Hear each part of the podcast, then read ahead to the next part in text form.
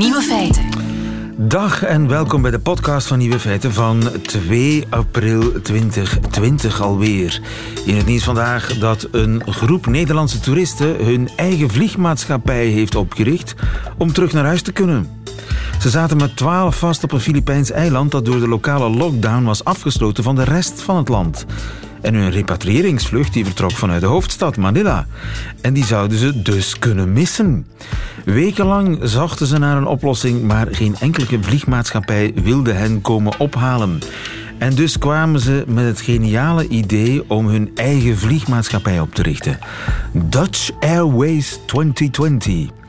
Nadat alle vergunningen en financiën in orde waren, huurden ze een vliegtuig dat hen met de eerste en dus ook de laatste vlucht van Dutch Airways 2020 naar Manila bracht. Net op tijd voor de repatriëring. De nieuwe feiten vandaag. De VDAB gaat intensiever zoeken naar erkende vluchtelingen die kunnen meehelpen in de strijd tegen corona, zegt minister Bart Somers. Uw zetel zal zich in de toekomst aanpassen aan uw kont in het huis van de toekomst. De allervroegste voorloper van de kip miljoenen jaren geleden was een Belg, liep rond op de taalgrens.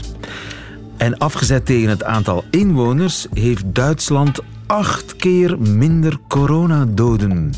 Hoe dat komt is een raadsel, maar we gaan toch proberen te gissen. En de nieuwe feiten van Nico Dijkshoorn hoort u in zijn middagjournaal. Veel plezier. Nieuwe feiten. Ook de Nieuwe feiten. Radio 1. En om het eens een keer niet over corona te hebben, elke dag wordt wel een nieuw gadget gelanceerd. Maar hoe gaat het huis van de toekomst er werkelijk gaan uitzien? Ludwig Belgmidi, goedemiddag. Goedemiddag. Het is een Britse meubelmerk dat 50 studies over de toekomst van ons huis bekeken heeft. Het kaf van het koren gescheiden om een zo accuraat mogelijk beeld te krijgen van het werkelijke huis van de toekomst. Wat mogen we volgens hen verwachten, bijvoorbeeld in mijn woonkamer? Welke nieuwigheden zal ik in mijn woonkamer zien de komende jaren, tien jaar misschien? Ja, wel, lieve. Een van de ja, interessante nieuwigheden vind ik toch dat uh, een gepersonaliseerde sofa. Wat is dat eigenlijk? Dat is een, een bank, een zetel die zich aanpast aan jouw lichaamsbouw. Uh, dat is een zetel die vol met sensoren zit. Uh, en die sensoren zorgen ervoor dat je, ja, dat je het meest optimale rusthouding krijgt. De kussens van die zetel gaan zich ook aanpassen aan jouw lichaamsbouw. Waardoor je, ja, als je na een lange werkdag in jouw zetel ploft, dat je meteen de juiste houding hebt om ja, heel goed uitgerust te zijn. Een andere vind ik ook, en daar zien we nu al uh, de eerste prototypes van, dat is uh, een slimme glas of ja, glasramen. Dat is glas of ramen die zichzelf kunnen verduisteren. Daar heb je bijvoorbeeld geen lamellen of gordijnen nodig. Dat gebeurt bijvoorbeeld met een knop of uh, met, ja, je klopt op het raam en dan verduistert het raam zichzelf. Um, we zien ook een aantal andere toepassingen of nieuwigheden uh, ja, in de toekomst in de VR, de virtual reality. Uh, bijvoorbeeld, lieve, je kijkt naar een voetbalmatch. Ik weet niet of je naar voetbal kijkt. Maar dan, heb je, ja, dan zit je meteen tussen de spelers. Hè. Met de VR-bril ga je dan uh, de meest, hoe moet ik zeggen, immersive ervaring hebben. Uh, terwijl je naar een voetbalmatch kijkt. Dan zit je midden in de spelers en dan heb je ja, een zeer goede, optimale geluid, omdat je, je ziet alles rondom je gebeuren. Ja, ja, dus virtual reality zal zijn intrede doen in de huiskamer van de gewone man, zeg maar. Terwijl die op zijn gepersonaliseerde zetel zit, die aangepast is aan zijn kont en de ramen zich automatisch blinderen als de zon uh, in uh, zijn ogen dreigt te schijnen. Dat is ongeveer de, de huiskamer van de toekomst. Maar wat gebeurt er dan intussen in de keuken? In de keuken, de keuken gaat dan hypergeconnecteerd zijn. Uh, alle toestellen gaan met elkaar kunnen communiceren. Uh, ik geef je een voorbeeld. Hè. Je gaat uh, van thuis, of je komt van het werk, je rijdt naar huis. Aan de hand van uw locatie gaat uw koelkast weten van ja, hij gaat bijna thuis zijn. En gaat uw oven ook weten wanneer je ongeveer thuis gaat zijn. En dan ga je bijvoorbeeld uh, jouw oven al op voorhand kunnen opzetten. Dan ga je jouw oven opspringen terwijl je onderweg bent uh, naar huis. Andere toestellen uh, ga je mee kunnen communiceren. Dus je komt binnen in jouw keuken.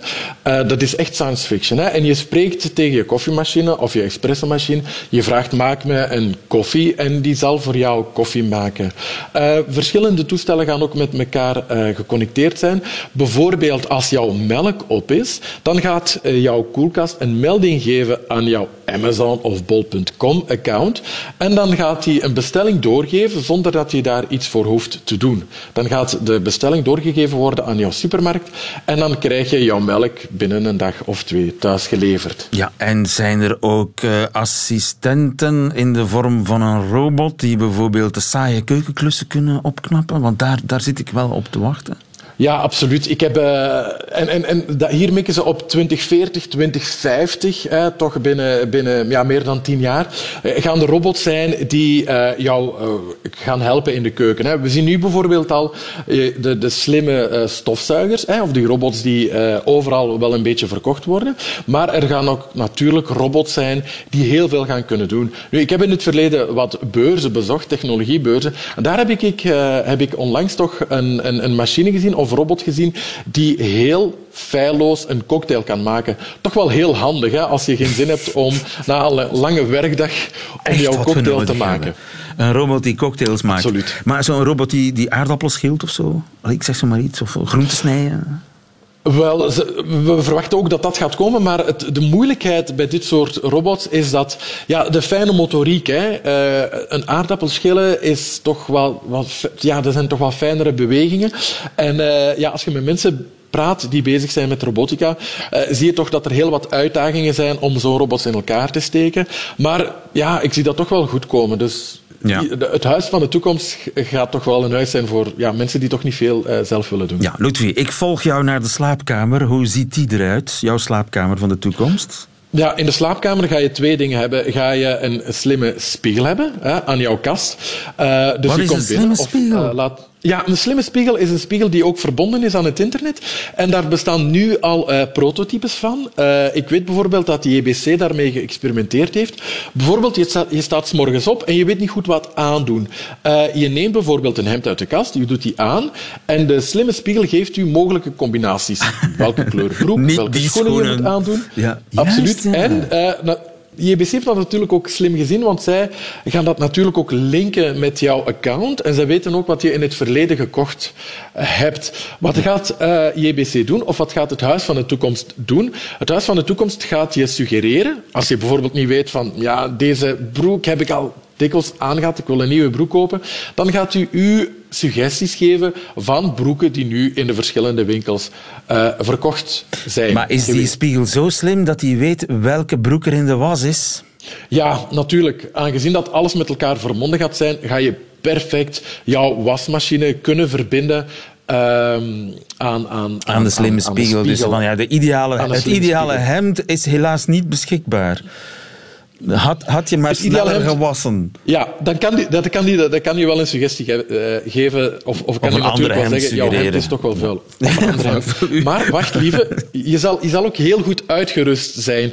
Want uh, je zal wakker worden in een bed die volledig met sensoren uh, is volgepropt. En al die sensoren meten jouw slaapritme, jouw lichaamsbouw en de wearable of een, een, een device die je draagt aan je hoofd kan perfect weten wanneer je in je diepe slaap zit en wanneer je minder goed slaapt.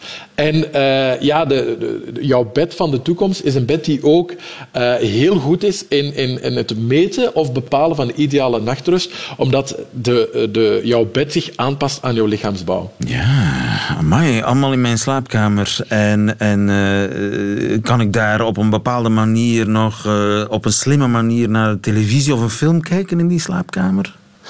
Ja, de televisie van de toekomst gaat heel, uh, hoe moet ik zeggen, immersive zijn. Hè. Je gaat dan echt wel uh, in een verhaal ingezogen zijn uh, met VR. Hè. Je weet bijvoorbeeld met VR uh, ga je een totaal andere uh, filmervaring hebben.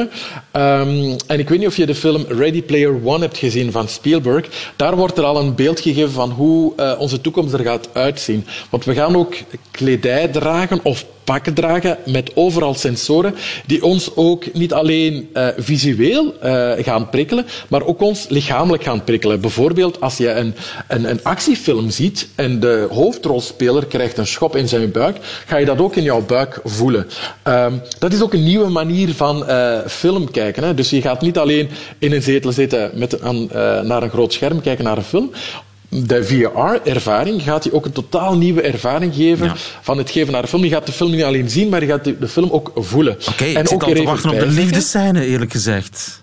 Wel ja, daar moet ook bij zeggen. Hè? Want zoals je weet, lieve, de porno-industrie experimenteert al langer uh, met VR. En er zijn nu al toepassingen hè, waarbij je ja, met een VR-bril, als het ware, uh, ja, de liefde kan bedrijven met, ware, ja.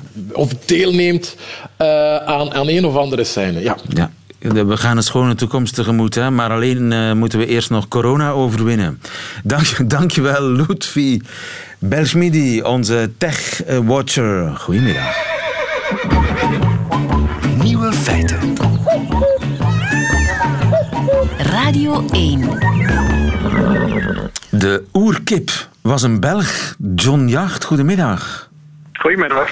U bent paleontoloog van het Natuurhistorisch Museum in Maastricht en u heeft een jaar of twintig geleden iets heel bijzonders gevonden in België. Waar was dat? Uh, het was in Ebenemaal, maar ik moet erbij zeggen dat ik het zelf niet gevonden heb. Maar een privéverzamelaar uit Nederland, uit de stad Leiden, en die heeft het in de jaren 2000, 2001 gevonden en daarna aan ons gedoneerd. In Eben-Emaal, dat is op de grens tussen de provincie Luik en de provincie Limburg. Dus ook nog eens echt heel erg Belgisch op de taalgrens bijna. Uh, Absoluut. En dat, dat dingetje, dat is, een, dat is een steen. Ja, het, is een, het zijn eigenlijk vier stukjes uh, kalksteen, mergel, zoals ze in, in de streek worden genoemd. En er ligt een aantal botjes in. Een donker gekleurde, zwart gekleurde botten. En het allerleukste van een van die kleine stukjes heeft een, een, zo goed als volledig schedeltje. Oh ja. Dus dat is echt de originele schedel van een vogel. Absoluut. Een heel klein beetje verdruk.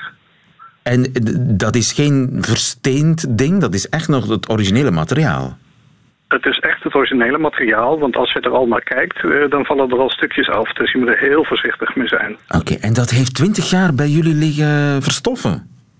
Ja, verstoffen wil ik niet zeggen. Het was meer wachten op, op de goede mogelijkheid om een micro-CT-scan uh, er tegenaan te gooien. Want met dit soort breekbare stukjes ben je heel voorzichtig met prepareren. Dus je blijft er liever van af. Totdat de mogelijkheid zich voordoet om nieuwe techniek erop los te laten. En dat is dus in Cambridge in Engeland gebeurd. En wat blijkt uit dat uh, onderzoek, dat hypermoderne onderzoek in Cambridge?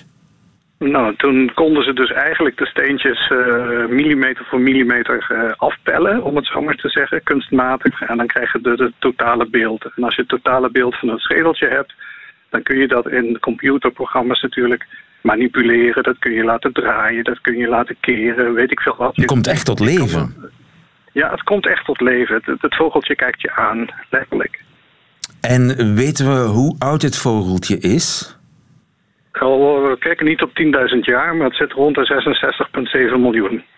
66,7 miljoen jaar geleden vloog dat beestje. Exact. Vloog het eigenlijk? Ik zeg vliegen, maar liep het rond in de buurt van de taalgrens tussen uh, Luik en Limburg?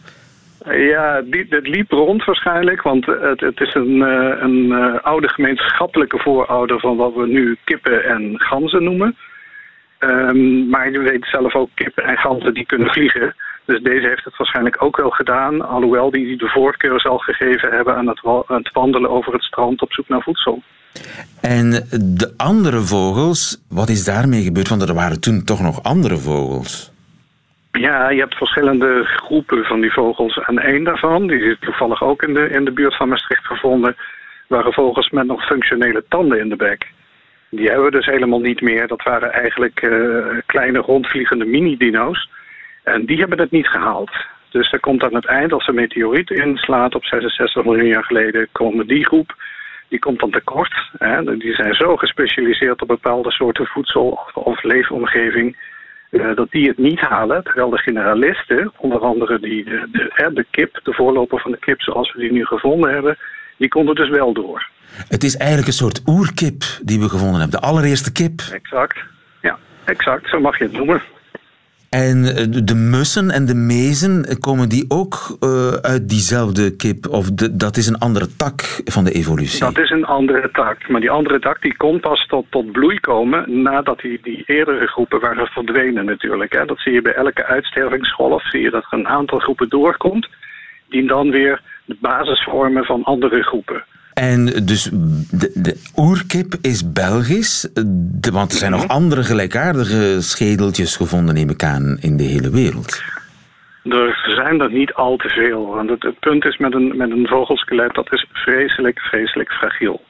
Ik weet niet of u wel eens een, een merel of een, een mus in handen heeft gehad, maar daar durf je bijna niet in te knijpen, want je weet gewoon dat het misgaat. Dus dat betekent dus ook dat je die botten zijn zo breekbaar en dat ze dan op de zeebodem terechtkomen zonder dat dat kadavertje onderweg wordt opgegeten door iets anders. Die zijn zo erg klein dat fossielen van vogels gewoon super, super, super zeldzaam zijn. En uh, van de schedel heeft elk dier er natuurlijk maar één. Dus dat wordt uh, nog een grotere risicofactor om, om dingetjes wel of niet terug te vinden. Maar de eben kip is uh, de, de oudste kip die nu op de wereld uh, ja, te zien is. Ja, kip, kip, kip. Het is een voorloper van een kip, laat ik het zo zeggen. Ja. Kijk, het, het, zit er, het zit er tussenin. Hij heeft schedelkenmerkjes van de kip en schedelkenmerken van de gans en de eendengroep. Dus het zit wel zo'n beetje tussenin. Dus het is echt een gemeenschappelijke voorouder van die beide groepen. Ja, dus dit is een, een grote wetenschappelijke ontdekking. Fantastisch, ja, absoluut. En wat is eigenlijk het voornaamste besluit? Hadden we, werpt dit een nieuw licht op de evolutie? Eigenlijk wel. Want dus van, uh, voor, die, voor de vondst van deze is eigenlijk steeds gesuggereerd dat de moderne vogels ontstaan zijn op het zuidelijke halfrond. Terwijl we dus nu een exemplaar hebben wat op 66,7 miljoen jaar gedateerd kan worden, maar uit het noordelijke halfrond uh, tevoorschijn komt.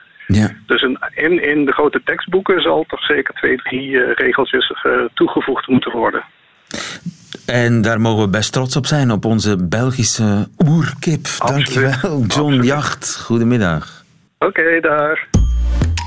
Radio 1. Nieuwe feiten. Natuurlijk telt elk land op zijn manier de doden, de coronadoden. Soms is die registratie heel strikt uh, en, en worden alleen de, de mensen die echt positief getest zijn meegeteld niet de mensen waarvan vermoed wordt dat ze aan corona zijn gestorven. Bijvoorbeeld in een rusthuis. Dus het ene land doet het op een andere manier dan het andere land. Dus je kunt die cijfers heel moeilijk echt vergelijken. Het is een beetje appels met peren vergelijken. Maar toch, bepaalde trends springen toch in het oog. Neem nu Duitsland. Duitsland heeft ongeveer in absolute cijfers evenveel doden aan corona dan bij ons. Ze hebben zelfs iets minder. Wij iets meer dan duizend, Duitsland iets minder dan duizend. Toch zijn er acht keer meer Duitsers. Dus je zou met enige goede wil kunnen beweren dat er in Duitsland acht keer minder doden vallen aan corona dan bij ons. Judith van de Hulsbeek, onze vrouw in Duitsland. Goedemiddag. Goedemiddag. We moeten een beetje opletten met die cijfers. Dat klopt, maar de trend is overduidelijk. Hè. Er vallen veel minder doden in Duitsland aan corona dan bij ons.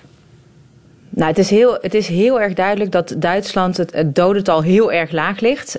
Um, daar wordt hier ook al weken over gepraat. Hoe kan het toch zijn dat het sterftecijfer in, in Duitsland zo laag ligt? Um, er werd ook al gekeken naar, uh, worden dan heel veel uh, mensen die overlijden uh, aan andere onderliggend lijden, hè, dus aan andere ziektes bijvoorbeeld niet als coronadoden geteld in Duitsland. Maar dat is niet het geval. Zodra er ook maar een vermoeden was van corona, wordt, worden deze doden ook in Duitsland als, als, als coronadoden geteld. Um, wat er nu als algemene verklaring uh, wordt gezien, is dat het, de gemiddelde leeftijd van de mensen die corona krijgen in, in Duitsland heel erg laag ligt. Um, het is begonnen bij mensen die uh, van wintersport kwamen, mensen die carnaval hebben gevierd, jonge mensen. Daarvan wisten we ook al heel snel um, uh, dat ze corona hebben. We zijn heel vroeg in Duitsland begonnen met testen. Waardoor ook het aantal besmettingen in Duitsland ligt op dit moment uh, op uh, boven de 77.000. Dus dat is een heel groot aantal besmettingen en een heel klein dodenaantal.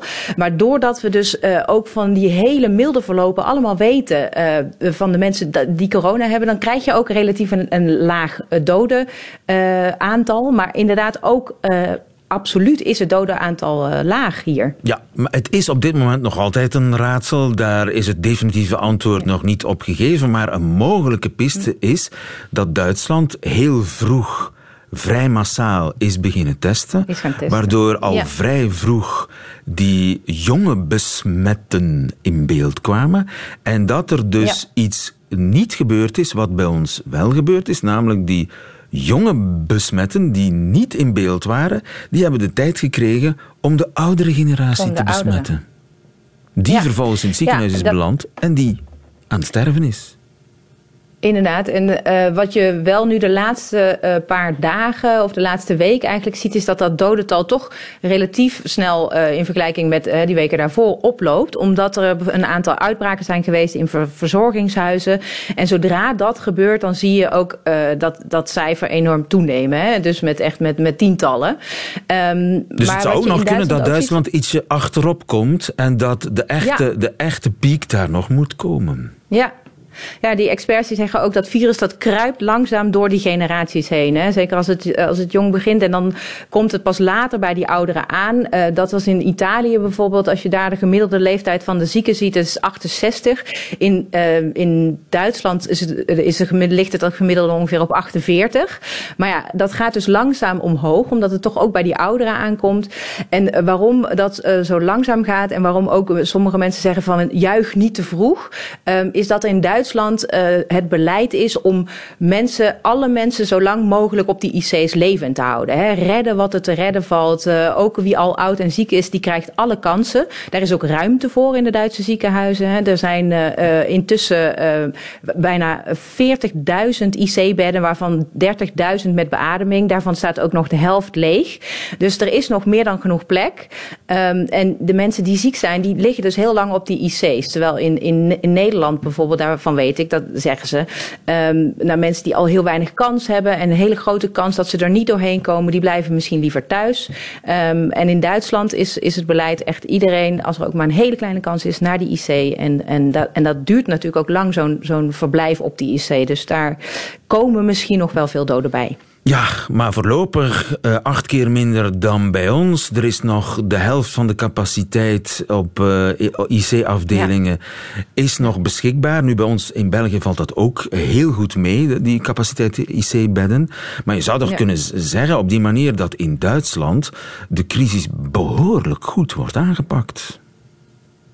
Nou, op dit moment is in ieder geval de paniek in die ziekenhuizen, hè, waar het toch om gaat. Uh, ze hebben ziekenhuizen de capaciteit om een groot aantal hele zieke mensen op te vangen. Daar is op dit moment nog niet zo heel veel uh, zorgen over. Er worden zelfs ook mensen vanuit uh, Italië en Spanje en Nederland naar Duitsland gebracht om daar behandeld te worden.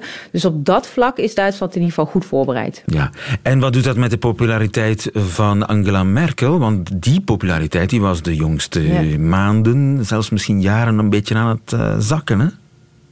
Ja, nou dat gaat uh, goed, inderdaad. Deze crisis uh, uh, is er veel toestemming voor het beleid, hoe, hoe de regering dit aanpakt. En zelfs de SPD, die in alle, om, die in alle enquêtes op heel, heel laag stond, hè, onder de 10 procent, um, die gaat op dit moment omhoog. Dus die, die aanpak van, die legt duidelijk geen windeieren, inderdaad. Ja, en dat is dus misschien een, een potentieel probleem voor de AFD. Want overigens, we hadden in het begin van deze uitzending onze Vlaamse minister Bart Somers uh, aan, de, aan de Skype.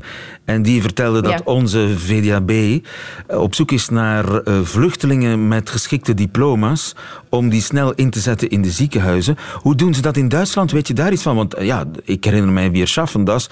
Massaal, massaal veel vluchtelingen zijn in Duitsland aangekomen. Worden die ook ingeschakeld? Ik heb wel eh, gelezen dat die al snelle opleidingen krijgen om bijvoorbeeld te helpen in de supermarkten inderdaad. En wat hier heel belangrijk is, de aspergeoogst. Die dreigde te mislukken omdat er te weinig seizoensarbeiders er kwamen. Um, dat die niet uit Polen kunnen komen bijvoorbeeld of uit Bulgarije of Roemenië. En dat daar ook uh, vluchtelingen voor worden ingezet. Ja, dus uh, Duitsland schafft das. Toch asperges.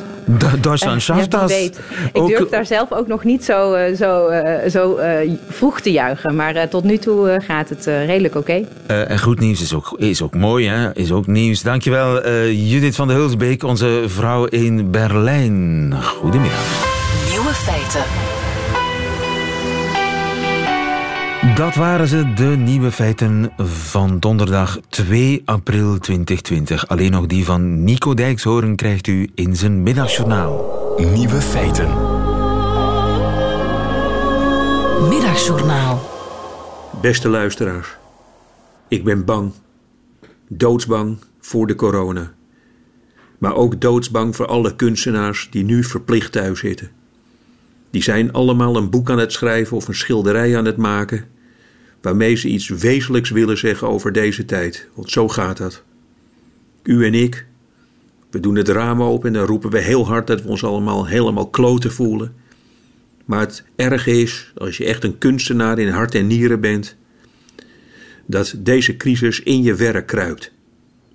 Iemand die voor de coronacrisis nog gewoon een hele mooie appel, een hele mooie glimmende peer naast een hele mooie fruitschaal schilderde, die schildert nu opeens een rottend klokhuis naast een doodzieke peer en daarnaast weer een doodshoofd. Dat vind ik niet zo heel erg, maar ik ben veel banger voor de beeldhouwers.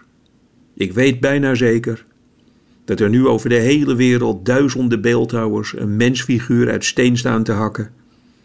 En dat ze daarna twee gaten op de plaats van de longen hakken. De titel van een van die beelden: Gaten in de ziel.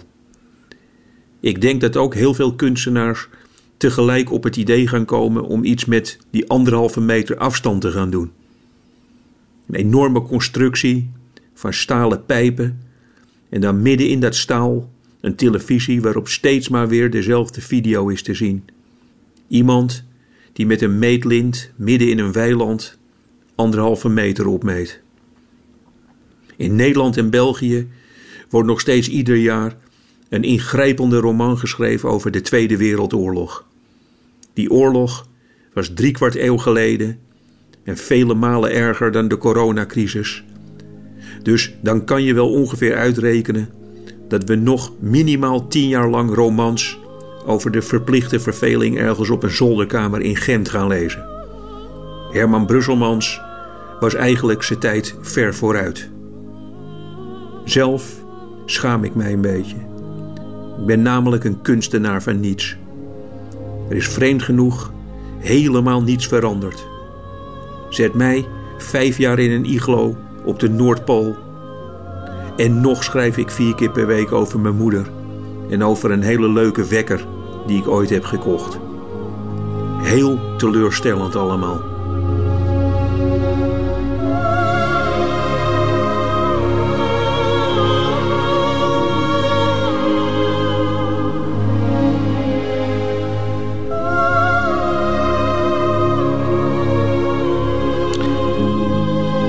Middagjournaal met Nico Dijkshoorn. Einde van deze podcast. Hoort u liever de volledige uitzending met alles erop en eraan?